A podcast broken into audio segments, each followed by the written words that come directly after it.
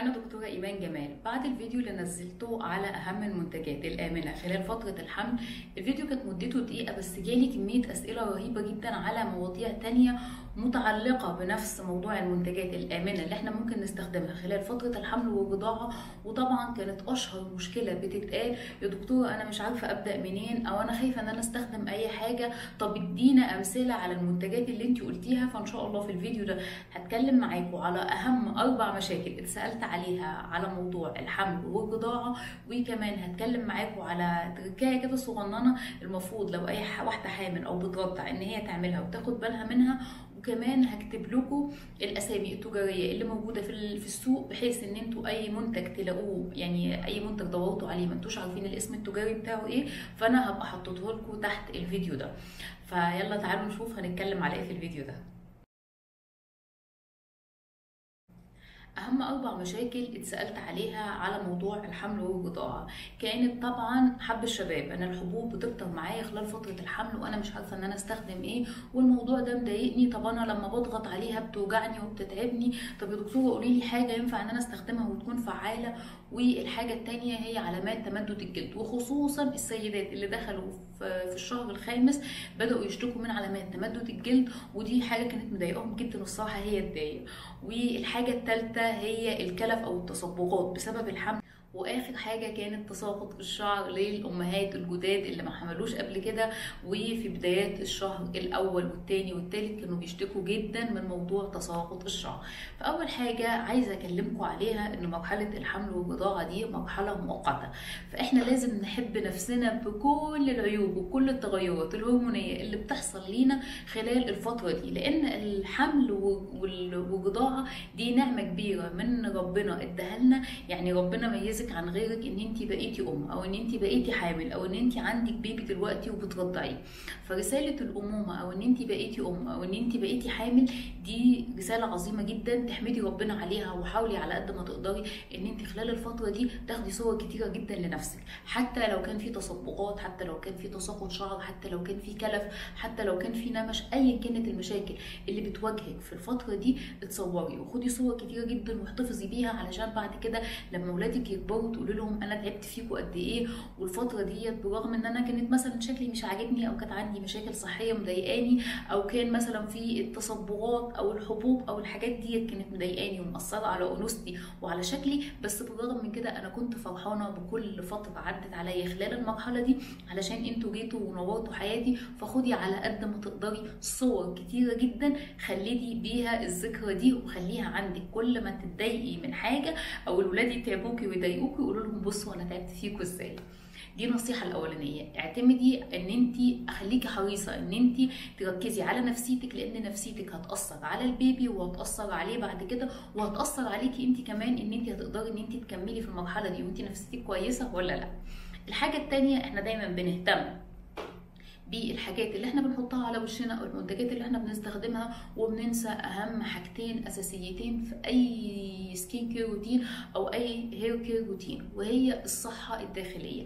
اهتمي سواء كنت حامل أو بترضعي أو سواء كنت بنت بتحبي إن انت تهتمي ببشرتك لازم نشرب مية كتير. المية هي أساس الحياة هي الأساس اللي هتخلي بشرتك كويسة وجلدك كويس وشعرك كويس وما ننساش الخضار والفاكهة. سواء كنت حامل أو بترضعي محتاجة الخضروات والفاكهة في نظامك الغذائي بشكل يومي. المية علشان توصل الفيتامينات والمعادن. طب الفيتامينات والمعادن هنجيبها منين؟ من الخضار والفاكهة. فالخضار والفاكهة يعني يعني حطيهم كده من الأساسيات. ما يعديش يوم غير على ما تكوني واخدة على الأقل خمس حصص يومية من الخضروات والفاكهة. ثلاثة خضار واثنين فاكهة. لأن فيهم أساس كل حاجة للاهتمام بشعرك وبضوافرك وببشرتك وبكل حاجة موجودة الفيتامينات والمعادن موجودة في الخضروات والفاكهة فما تهملوش النقطة دي مع المية. ندخل بقى في المفيد. هنتكلم أول حاجة على الكلف وعلى حب الشباب. إيه المنتجات الآمنة اللي أنا ممكن أستخدمها؟ لو ظهرت عندي حبوب أو ظهر عندي كلف. في حالة الحبوب لازم نمشي على روتين يعني روتين يومي. الروتين ده ما ينفعش يبقى في حاجة ناقصة ولا حاجة زايدة. طبعا هنقول إيه المنتجات اللي ينفع إن إحنا نستخدمها. أول حاجة انت ممكن تستخدمي الغسول بصفة يومية ما فيش في أي مشاكل. طبعا لو انت بشرتك متعودة إن هي بيطلع فيها حبوب وطلعت وطلعت الحبوب في فتره الحمل فدي تغيرات هرمونية بعد الحمل والله هتروح. وممكن على فكرة إن هي فترة الرضاعة تزيد بسبب استهلاكك الزيادة من السكريات. فخدي بالك من النقطة دي. يعني لو انت قبل الحمل كانت بشرتك كويسة ما بيطلعش فيها حبوب غير نادرا وظهرت عندك في فترة الحمل فدي تغيرات هرمونية وهتروح لو زادت عندك في الرضاعة فاعرفي إن انت النظام اللي انت ماشية عليه غني بالسكريات والدهون فعلشان كده لازم تعملي كنترول على الموضوع ده. نستخدم إيه في الفترة دي بأمان؟ ممكن إن إحنا نستخدم ال- ال- الغسول طبعا مرتين في اليوم الحبوب لو طلعت ممكن إن إحنا نستخدم عليها حاجات طبية وحاجات طبيعية. الحاجات الطبية اللي إحنا ممكن نستخدمها بأمان ال glycolic acid ال benzoyl peroxide وطبعا بعد الرجوع للطبيب اللي انت متابعة معاه. علشان حالتك الصحية هي اللي هتحدد. بس عموما المنتجات دي آمنة جدا خلال فترة الحمل ال azelaic acid وال glycolic acid وال AHA وزيت شجر الشاي من الحاجات الطبيعية ال aloe vera من الحاجات الطبيعية زيت اللافندر من الحاجات الطبيعية اللي إحنا ممكن نستخدمها بأمان. طب يا دكتورة ادينا أسامي تجارية على ال azelaic acid مثلا موجود في إيه؟ هنقول موجود في ال Skinoren طيب إحنا مش لاقيين ال Skinoren ممكن نجيب إيه؟ ممكن نجيب The Ordinary المنتجين دول بينفعوا كويس جدا في علاج الحبوب وتقشير خفيف للبشرة وكمان لعلاج التصبغات والكلف اللي موجود.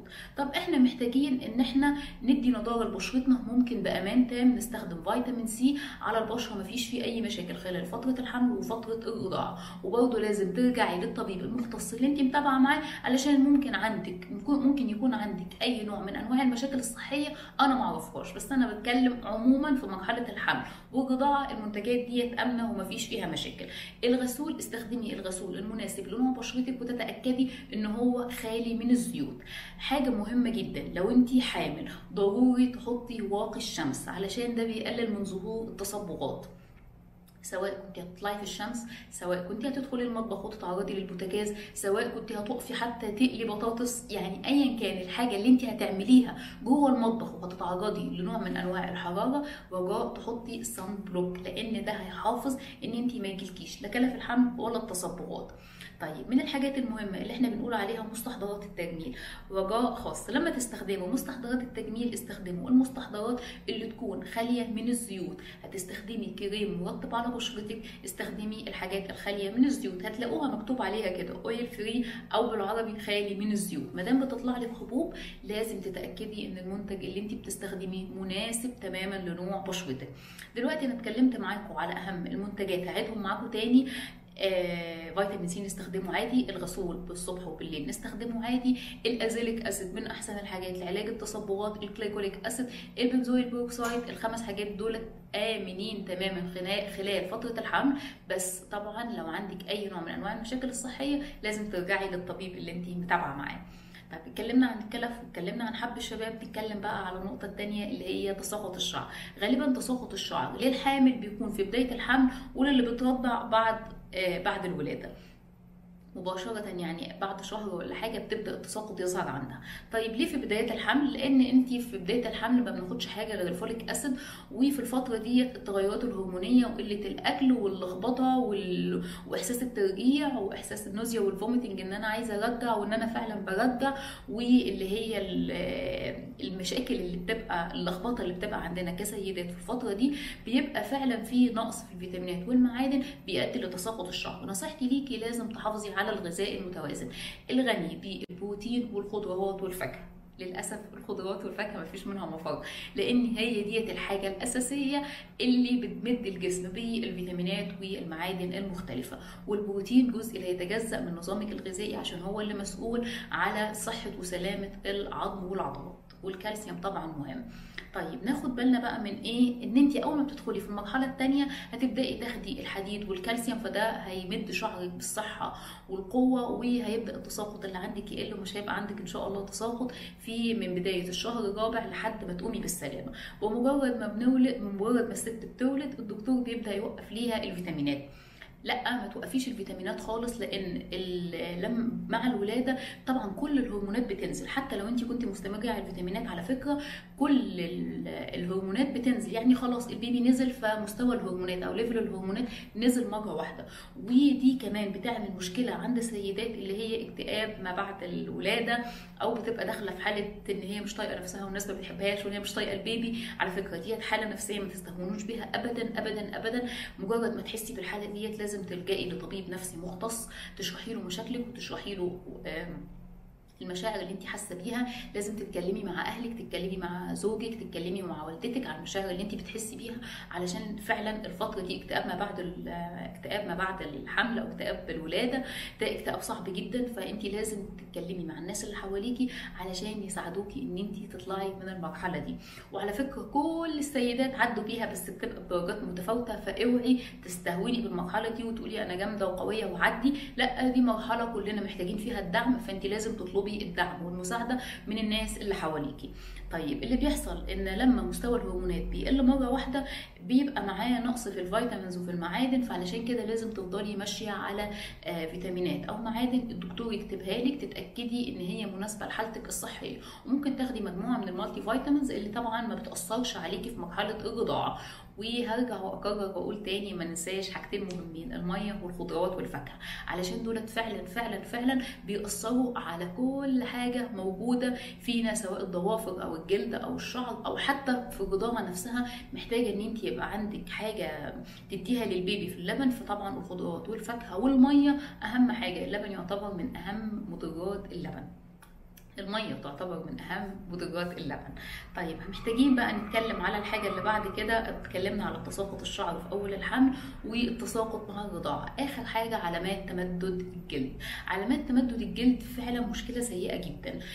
بس محتاجين ان إحنا نعمل حاجتين اتنين بس وهتلاقوا المشكلة دي بإذن الله قلت أو اختفت معاكم. الحاجة الأولانية هرجع اقولها تاني محتاجين إن إحنا نشرب مية كتير. محتاجين إن إحنا نشرب مية بحيث إن الأنسجة دي تبقى غنية بالمية فلما يحصل إن الجلد يتمدد يبقى فيه آه يبقى فيه مية كفاية. الحاجة التانية الخضروات والفاكهة. هرجع واكرر واقول تاني محتاجين خضار وفاكهة من الخضروات بالذات الغنية بالمية زي الخيار وزي ال- البقدونس زي الجرجير والخضروات الورقيه عموما بتبقى غنية بنسبة مية كبيرة كله بطيخ كله شمام الحاجات اللي بتبقى غنية بالمية كله منها بكميات معتدلة طبعا. علشان بس خلوها يوميا في نظامكم الغذائي علشان الحاجات ديت هي اللي بتمد بتمد الجلد والأنسجة ديت بالمية اللي محتاجاها. الحاجة التانية الترطيب أوعي أوعي أوعي. تهملي الترطيب في الفترة دي. ايا كانت الظروف.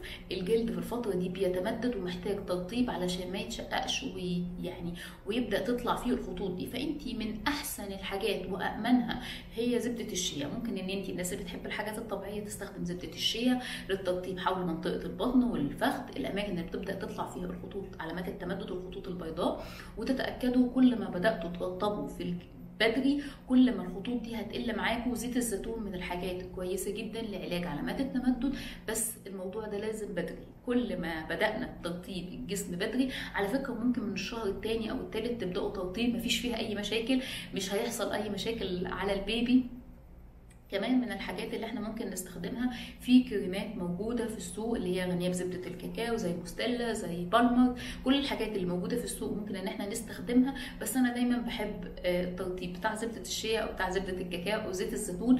ال- الكمية بتبقى كبيرة ولما بندهنها على الجسم الجسم بيبقى فيه ترطيب عالي. وفي منتجات كتيرة خلوني أنا هحطها لكم في في وصف الفيديو أو أحطها لكم تحت آه، فيها كو يعني دي أكتر الحاجات اللي موجودة في السوق. امنه خلال فترة الحمل وخلال فترة الرضاعه يبقى أهم حاجة في في علامات التمدد شرب المية والخضار والفاكهة والترطيب. الحاجات دي مهمة جدا وزي ما قلنا العامل المشترك في كل المشاكل اللي بتخص الحامل والمرضى هي شرب المية والخضروات والفاكهة. لأن العناية بالنفس من جوه يعني إحنا العناية بصحة جسمنا من جوه هتنعكس علينا خارجيا. وفي آخر الفيديو عايزة أقول لكم إن مرحلة الحمل ومرحلة الرضاعه زي ما قلت في الأول دي فترة مؤقتة كلنا بنتعدي علينا وبتعدي علينا المشاكل اللي بتصاحبنا في الفترة دي فلازم إن إحنا نفسيتنا تبقى كويسة علشان ده هينعكس علينا خارجيا. أنا كده خلصت الفيديو لو عجبكم الفيديو استأذنكم تعملوا له share like وطبعا يشرفني إن أنتوا تبقوا عندكم في القناه فدوسوا subscribe وفعلوا زر الجرس. شكرا جدا ليكم. bye bye